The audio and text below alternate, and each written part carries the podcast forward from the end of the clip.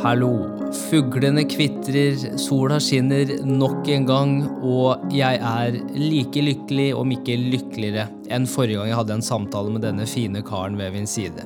I dag prater jeg nok en gang med Robin Farberg. Dere husker kanskje fra siste episode, hvor vi ble bedre kjent med han som person, hans erfaring som leder og instruktør i treningsbransjen, hvordan pandemien hadde påvirket treningsbransjen det siste året, og hans tanker og ambisjoner om veien videre. Jeg møtte jo han eh, på BI eh, i et fag som Janique Fletcher. Jeg kommer til å nevne hun igjen, for jeg syns hun var en helt fantastisk dame. Så jeg anbefaler alle på BI å ta hennes fag. Eh, Persuasion and Dialogue for Leaders. Jeg vil bare si det først og fremst. Hun har ikke betalt for å si det sånn, for å annonsere det. Ok, Men i dag så skal vi faktisk grave litt dypere inn i forhold til det å finne seg selv, og hvilke spørsmål man bør stille seg selv gjennom voksenlivet og gjennom oppveksten. Vi alle vet at det er en periode som måte bringer mye usikkerhet for veldig mange. Så Derfor vil jeg ha en samtale til med Robin hvor vi faktisk prater om hans reise. Hvor han begynte å ta stegene med å komme ut og virkelig være seg selv. Og jeg tror det er viktig uansett hva slags legning man har, hvor man kommer fra, bakgrunn, farge osv. Så, videre. så det er det første. For jeg også eh, ønsker å bli flinkere til å bedre forstå menneskene rundt meg. Og for å gjøre det så må jeg ha samtaler som gjør at jeg kan lære mer og vite hvordan jeg kan støtte dem. Vi toucher også litt innom måte, alt som skjer i, i, samfunnet i dag. Vi ser jo selvfølgelig bort til USA og hvordan det påvirker Norge. Så dette er Robin Farberg og Expresso.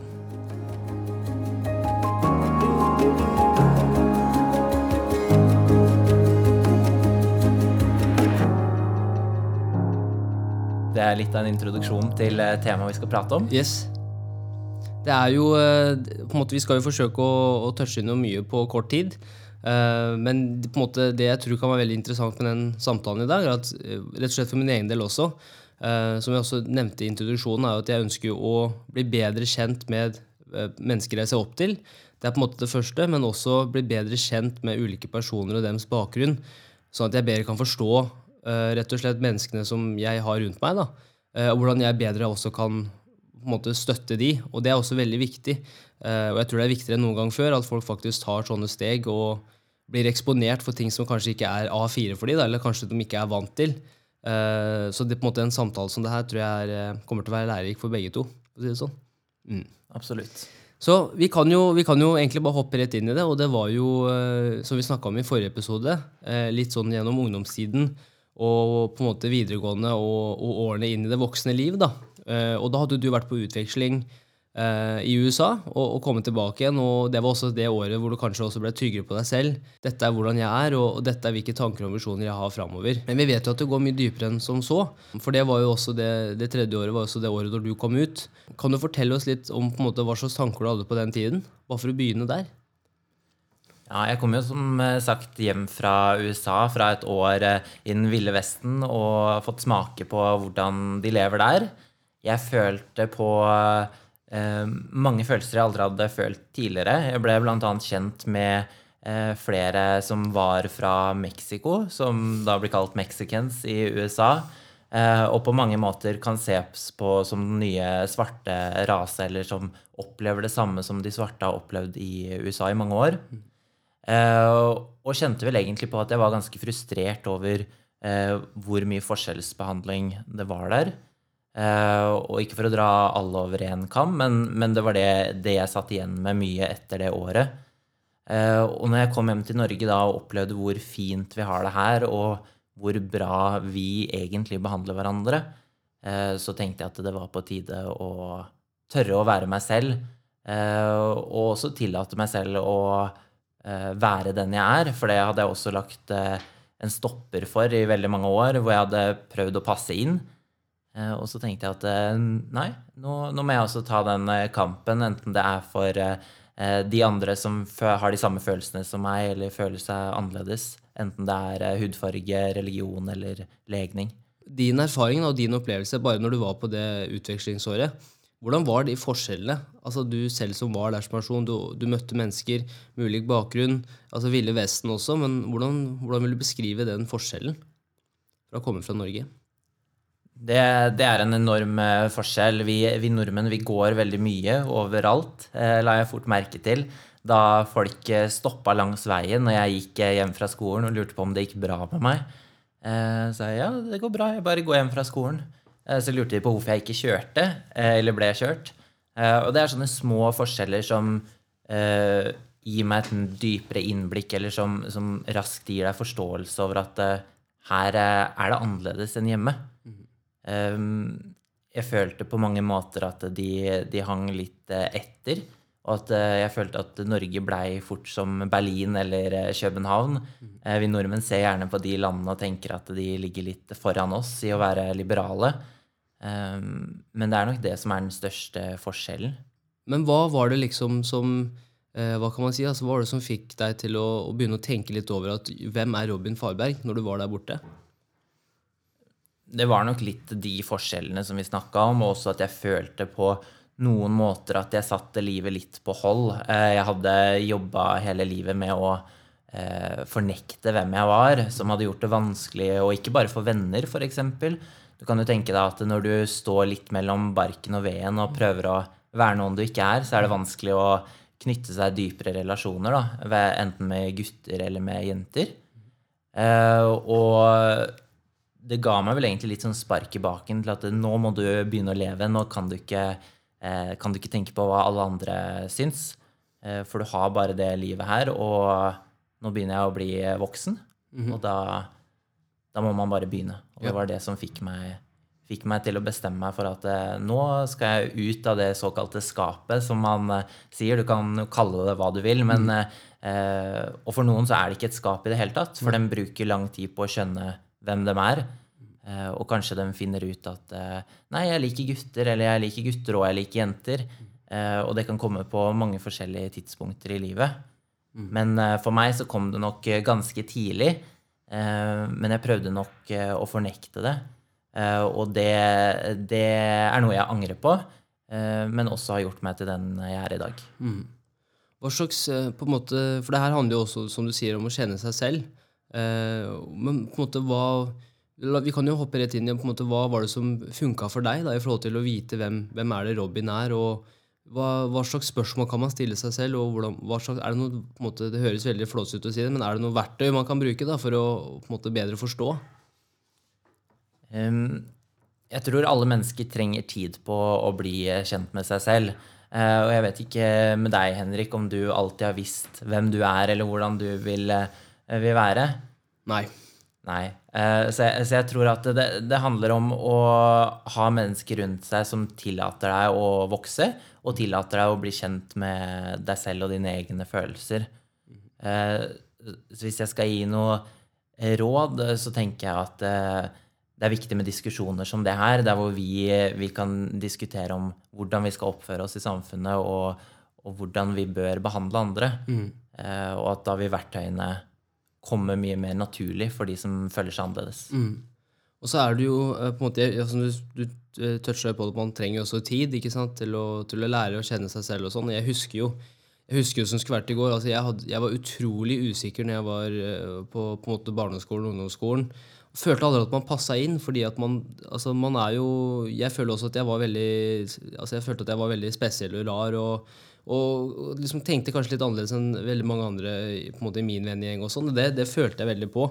Um, og jeg tror også ja, som du sier, da, ha sånne samtaler som det her tror jeg virkelig kan gjøre det lettere da, for andre å forstå både i forhold til måte, hvilket, hvilket, steg kan jeg ta da, for å, å komme nærmere og bli trygg på meg selv, men også for andre å forstå, rett og slett. Um, men hva slags, hva slags antakelser og tanker hadde du på en måte før du bestemte deg for å hva skal man si, virkelig bli, bli seg selv? da?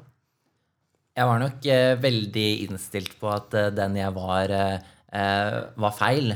Eh, og at jeg aldri eh, kom til å kunne få være 100 lykkelig. At jeg måtte kalle det leve i et liv som ikke er mitt. Eh, og det er jo mange ting som gjør eh, at man føler det sånn, tror jeg. Jeg tror det er litt sånn som du toucha inn på det med, med samfunnet, og, og at alle barn eller alle unge sliter nok med å føle seg hjemme et sted. Eh, Jeg tenker at alle har følt på usikkerhet og den delen. Eh, Men for meg så, så var det nok forbundet med mye skam, at jeg skamma meg over hvem jeg var. Jeg ble mye mobba som liten. Eh, Og det tror jeg egentlig veldig mange kan oppleve, enten de er homofile, eller om de bare er veldig gode i matte, eller at de også kan være den kule, da, at man føler seg litt sånn stygg av andungen, for man er annerledes. Og det, det, har på mange måter skapt mye skam rundt uh, min legning. Uh, og min legning er jo på mange måter hvem jeg er, men samtidig ikke. Mm. Men hva slags um, Hva hadde du sett for deg kom til å være reaksjonen da, fra nærmeste venner og familie? Jeg hadde nok eh, Ja, altså sånn som det var, var at jeg fortalte det jo først til eh, min beste venn. Eh, som heter Rikke, som vi forteller alltid hverandre.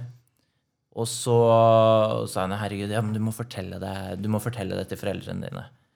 Og så tenkte jeg at nei, men eh, klarer jeg det?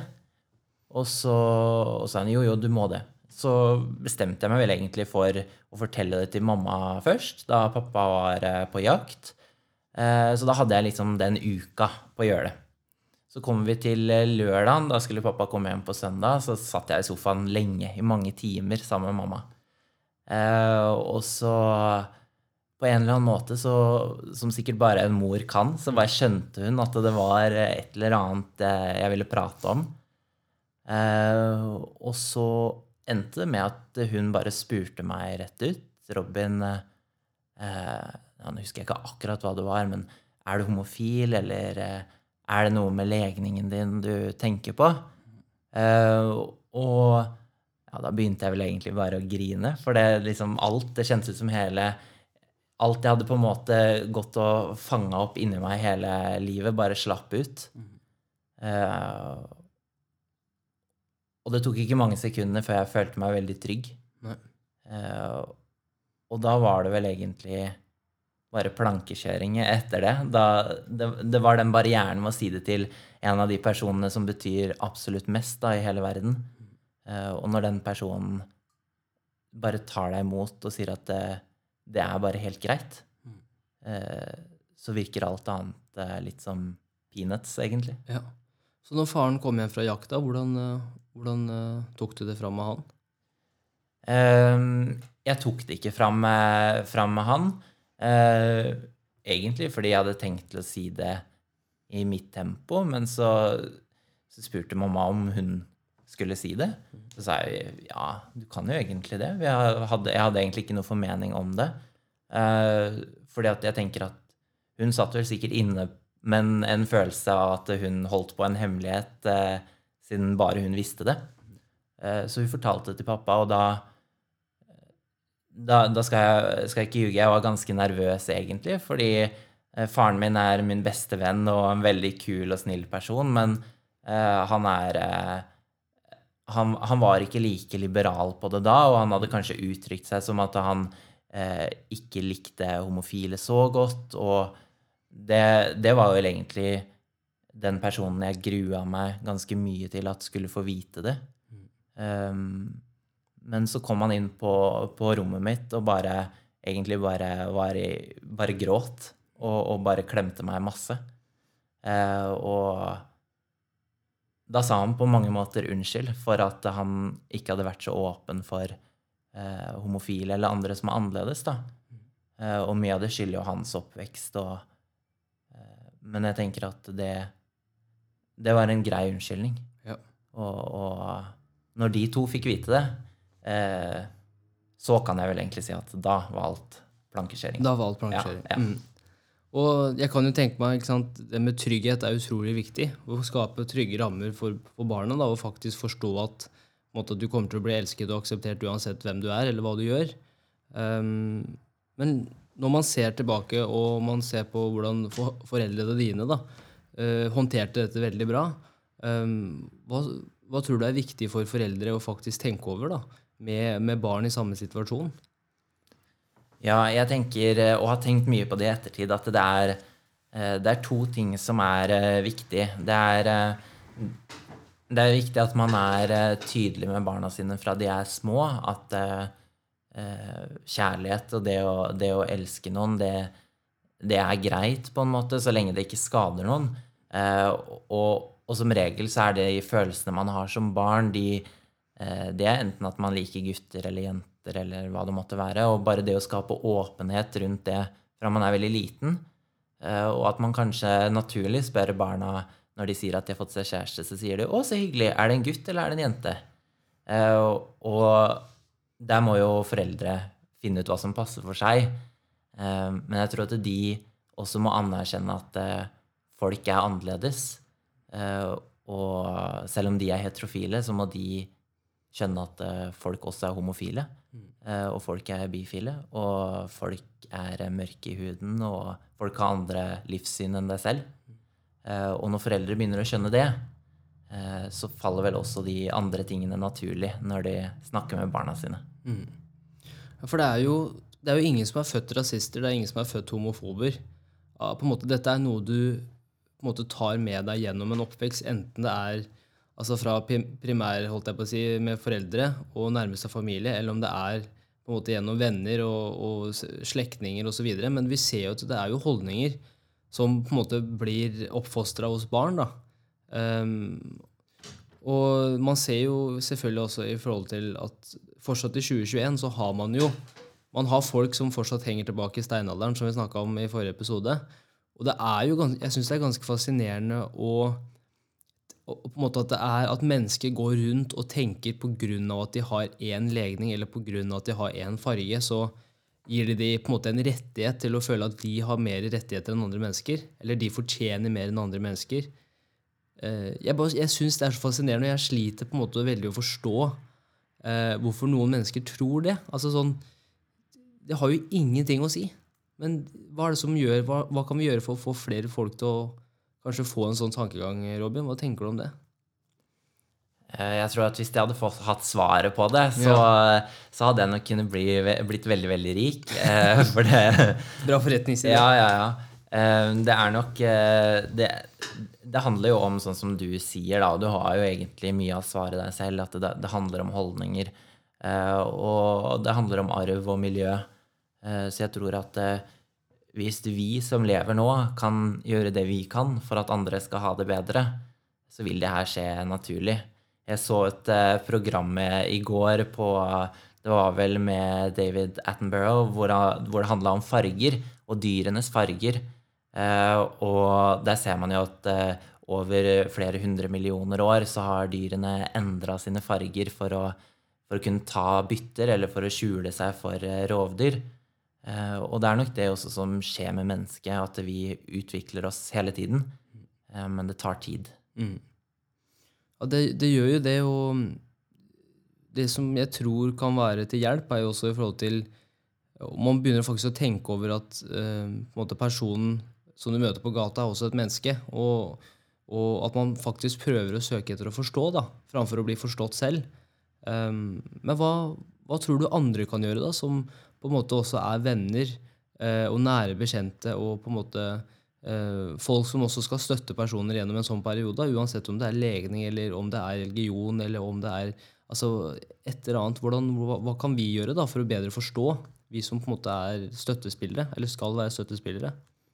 Ja, og det, det, det er veldig bra at du spør om, at det, det lurer jeg også på selv, hva som er riktig. Men jeg tenker at eh, for uh, hvis det er noen der ute nå da, som enten hører på den poden her, eller, uh, eller, andre som uh, har tenkt å fortelle noen, eller ikke fortelle noen, men, men, bare begynne å være den de er, så må de huske på at det kan ha tatt veldig mange år for den selv. Sånn som for meg så tok det veldig mange år å tørre å være den jeg er.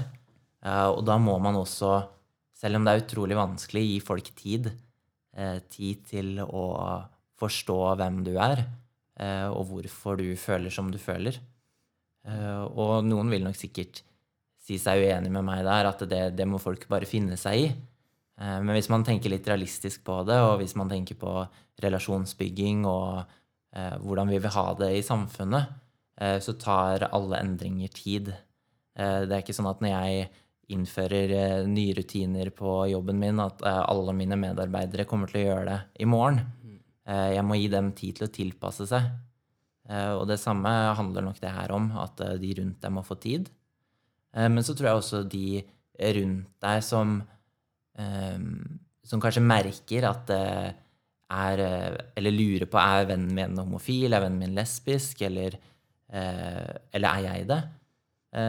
Så må man tørre å stille spørsmålet.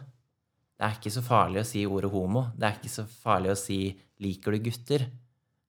fordi det er ikke en uting. og det henger nok litt sammen med det vi snakka om tidligere, at Eh, alt tar tid, men, men, også alle holdningene vi har rundt det. For, eh, for hvis, hvis, jeg spør deg skal du ha en pølse fra Narvesen, Henrik, er du sulten? Eh, så blir du ikke stressa av det spørsmålet. Nei. Hvis jeg stiller deg spørsmålet har du noen gang likt gutter, Henrik, så kan du nok kanskje Jeg vet ikke hva du tenker rundt det spørsmålet, hvis jeg hadde spurt deg det. Det er et godt spørsmål. Altså, jeg liker mange gutter. Det kan jeg faktisk si. Eh, men det er jo et altså, For det er jo også en annen ting som eh, Som også er veldig viktig. Det er jo i forhold til liksom sånn Hvordan veit du det? på en måte, jeg mener? Hvordan er det du, hvordan er det du veit at eh, jeg liker gutter, eller jeg liker jenter? eller jeg liker, hvordan er det du For det er noe som for meg har det alltid selvfølgelig vært at jeg liker jenter. på en måte. Uh, men jeg kan jo også tenke meg at når liksom samfunnets forventninger da, La oss si du òg spilte ishockey. ikke sant? hvor det er samme som jeg spilte fotball, hvor liksom praten i garderoben den går. ikke sant? Og man forventer at man skal prate på en viss måte eller være en viss måte, særlig gjennom den tiden. da. Um, så selvfølgelig, da, hvis du da liker jenter, da, så, eller andre veien, da, så selvfølgelig da er det jo For det er jo det samfunnet sikkert tenker, og i hvert fall den nærmeste vennegjengen. Men jeg kan jo tenke meg når det går andre veien, uh, og man også skal da komme fram og si at jeg liker gutter eller jeg liker jenter, uh, så skjønner jeg jo at det er jo ikke like rett fram. Altså, det er jo ingen så hvordan var akkurat den, den, tingen der for deg i forhold til på en måte når du begynte å se at liksom Jeg er med guttevenner, da, og, og, og, og, man prater på en viss måte, men på en måte du er jo, prater ikke på den måten i det hele tatt, f.eks. Uh, og det, det, det, du sier der, er nok også det som har gjort at jeg uh, i tidligere alder ikke hadde så mange guttevenner. Uh, de jeg spilte ishockey med, der var på en måte der var fokuset litt retta mot ishockey, og jeg I flere år så var jeg kaptein på ishockeylaget mitt, og jeg var ganske tøff og ganske, ganske skummel på banen, rett og slett.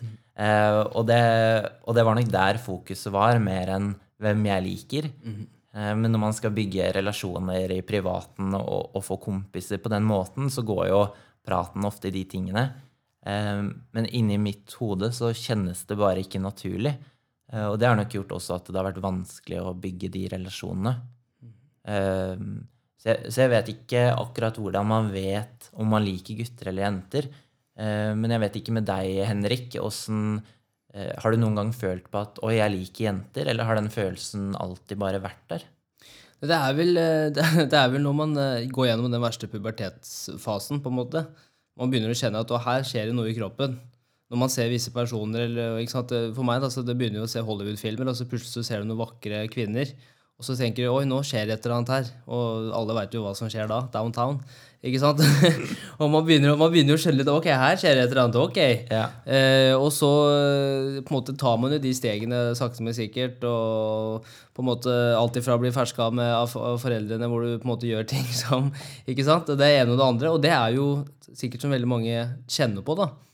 Men den utfordringa som ikke jeg hadde, var jo på en måte at foreldre tenker ja, men han liker jenter. Sånn er det bare.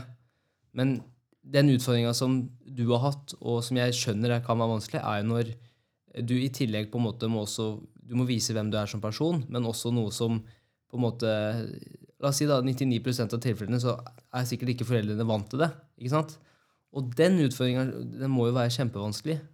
Og, så det er i hvert fall litt sånn hvordan jeg tenkte på den tida. da. Ja. Mm. mm.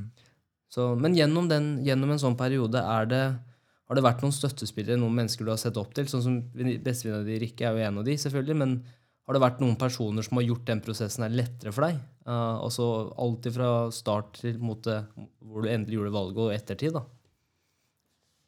Det har nok egentlig ikke vært så mange faktorer utenfra som, eh, som, har gjort det. Men det er jo klart at eh, det å høre på forskjellige podkaster, sånn som vi spiller inn nå, eller å se på YouTube Det var jo litt mer YouTube når jeg var yngre, da, og det, det her begynner jo å bli noen år siden. Jeg er jo 25 i dag, og jeg var jo 18 da. Eh, så det å egentlig bare se at andre har det bra og er er, finner seg en partner da, og finner seg noen å være glad i, det har nok eh, vært en slags støtte eh, oppi det. Eh, men det har jo eh, vært eh, Det har jo vært ganske mørkt til tider. Og det var jo mange år der hvor det egentlig bare var veldig ikke så greit å være meg selv, egentlig. Og det er jo egentlig det å, å finne støtte i seg selv og det å bli trygg på hvem jeg er, og at jeg kommer til å få til ting selv om jeg er annerledes. Det er nok det som var den største støtten mm. eh, oppi det hele. Ja. Hva var det på en måte som gjorde at du, fikk, eh, at du klarte å se lys i enden av tunnelen også? Da, i forhold til, Du nevner ikke sant, jeg kan også få til ting. Var det noen ting du holdt fast ved gjennom på en måte de mest utfordrende, utfordrende tiden? Ja, det var, jo, det var jo det at man har jo det her fantastiske livet, da, som man bare må utnytte. Man kan ikke, eh, man kan ikke kaste det bort. Eh, selv om det føltes på mange måter lettest ut innimellom. Men det har jo vært å ha den sterke familien som jeg har eh, rundt meg, som har liksom holdt det gående, da. Mm. Eh, og uten de så eh, Det høres jo veldig mørkt ut, men så veit jeg ikke om jeg hadde vært her i dag. Eh, og sånn tror jeg kanskje mange andre også føler det på. Og så tror jeg noen ikke føler det i det hele tatt. Um, men for meg så har det vært viktig å ha en, en kjernefamilie som alltid er der. Uh, og det er jo klart at når man da ikke vet om de kommer til å være der når du forteller hvem du er, at det blir vanskeligere å være deg selv.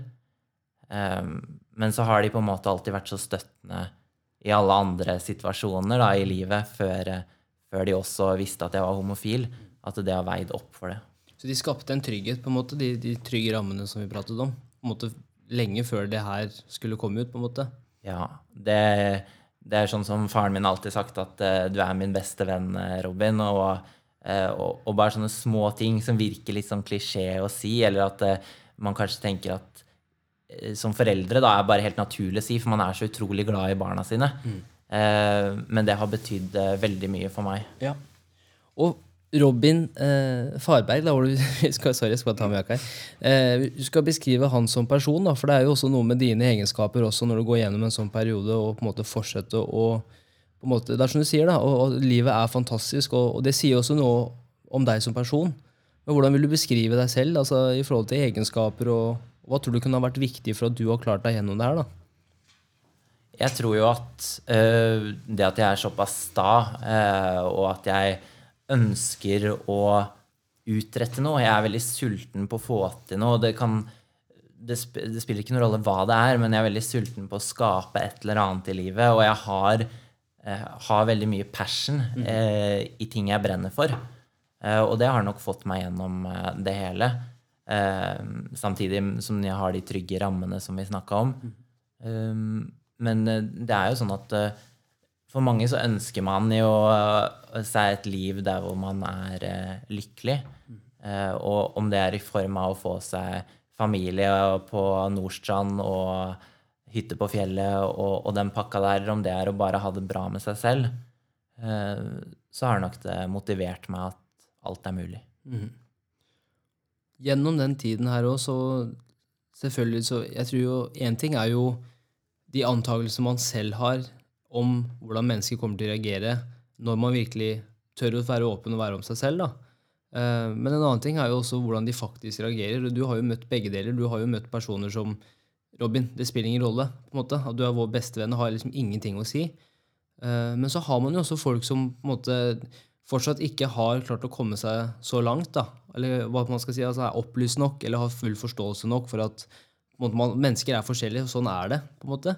Uh, har du også møtt noen ting som har vært uh, Eller på en måte noen eksempler som har vært veldig utfordrende for deg, som du kan nevne? Som kan også kanskje stille et lys da, for hvor utfordrende det kan være?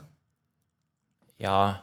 Uh, det er jo som sagt det med, med mobbing, selvfølgelig, når man er, er, liten, som veldig mange barn opplever. Og da når den blir retta mot legningen din, og ikke at du er en dust, men at du er en homo, det, det, det, er jo noe som man opplever. Og så opplevde jeg jo også for eh, Det var vel i 2018. Eh, at jeg ble slått ned på gata eh, og banka opp ganske kraftig pga. legningen min. Der hvor jeg ble kalt jævla homo og kalt de ordene som man også opplevde da man var liten. Um, og det, det er noe som jeg trodde aldri kom til å skje meg. Jeg hadde aldri vært redd for det. Eh, samtidig som man hører om folk som opplever det. Eh, og det har nok vært noe av det mest utfordrende rundt å leve ut den jeg er. At noen faktisk velger å fysisk gå på deg og vise at de ikke liker hvem du er. Hadde de bare gått på deg på gata, eller? Ja, eh, så da Det var jo noen som visste hvem jeg var, som da Altså, det var blind vold da, som slo meg ned bakfra. Uh, og de var ganske mange, og jeg var jo bare én. Um, så, så, det er nok noe som Det har jo satt en støkker i meg, og gjør jo til tider at jeg syns det er vanskelig å, å, skulle holde samboeren min i hånda når vi er ute og går på gata, eller gi han et kyss når han skal på jobb, og vi har gått ut tur først, f.eks., og vi skal gå hver vår vei. Um, så, så, det er jo veldig trist, men det er viktig å huske på at selv, selv om det skjer eh, innimellom, Eh, så må vi ikke slutte å vise hvem vi elsker, og vi må ikke slutte å være oss selv, eh, for da kommer de til å vinne til slutt. Ja, jeg syns det er utrolig, utrolig fint sagt, og, på en måte grunnen til at jeg også ville at du skulle fortelle det, er for at jeg tror at kanskje det er også det som må til, da, Å på en måte igjen og igjen vise du skal selvfølgelig, Man må vise hvem man er 100% men også vise hva er konsekvensene uh, for oss som et samfunn da, hvis man ikke kan akseptere og respektere hverandre. Så på en måte, Det er jo ingen som tjener på vold. Det er ingen som tjener på å være ignorant. på en måte. Og jeg tror at sånne eksempler som det her kan også få fram hvor viktig det faktisk er å ha sånne samtaler. da, fordi at jeg tror det er like viktig uh, for deg og andre personer som ønsker å virkelig vise hvem de er, men også for la oss si, andre mennesker da, som også skal være støttespillere, sånn at det er lettere for oss å forstå sant, hvordan vi kan støtte personene gjennom den tiden. Men også rett og slett hvis man ikke vil støtte heller, da, la oss si man har mennesker som bare ikke vil det, rett og slett, som fortsatt henger igjen eh, ja, i steinalderen, så skal de få lov til det. Men da tror jeg det også kan hjelpe å ha sånne samtaler, sånn at de i hvert fall litt da, forstår litt mer av situasjonen, og ikke bare tro på alt de leser på nettet. Eller for at foreldrene dine sa det her på 1960-tallet, så, så, betyr det at det er sant. ikke sant? Um, så jeg, jeg, vil bare takke deg igjen for at du deler, for jeg veit at det, er, det kan være utfordrende. Um, så bare si takk for det. Jo, tusen takk, eh, Henrik. Det er, eh, og, og, det er jo noe som har prega meg mye, og som gjorde jo at jeg ikke ble ferdig med studiene i det tidspunktet jeg skulle. Og det, det, det har påvirka meg på mange mulige måter. Uh, men det har også gjort meg veldig mye sterkere, og det har gjort meg tryggere på å være den jeg er, og, og også kjempe for at Eh, man skal ha like rettigheter, og, og, man skal skape aksept i samfunnet. Eh, og det er viktig for meg å si at eh, selv om jeg har opplevd det her, så er ikke det her noe som skjer med alle bare fordi man kommer ut som homofil, sånn at de som hører den poden her, vet det. Men det er også viktig at vi som samfunn får med oss at disse tingene skjer. Jeg nevnte jo litt i starten her, og du også snakket om det Black Lives Matters som skjer i USA. og Eh, vi har hatt eh, mange saker der nå opp gjennom det siste året. Eh, og alt bunner i å akseptere andre mennesker.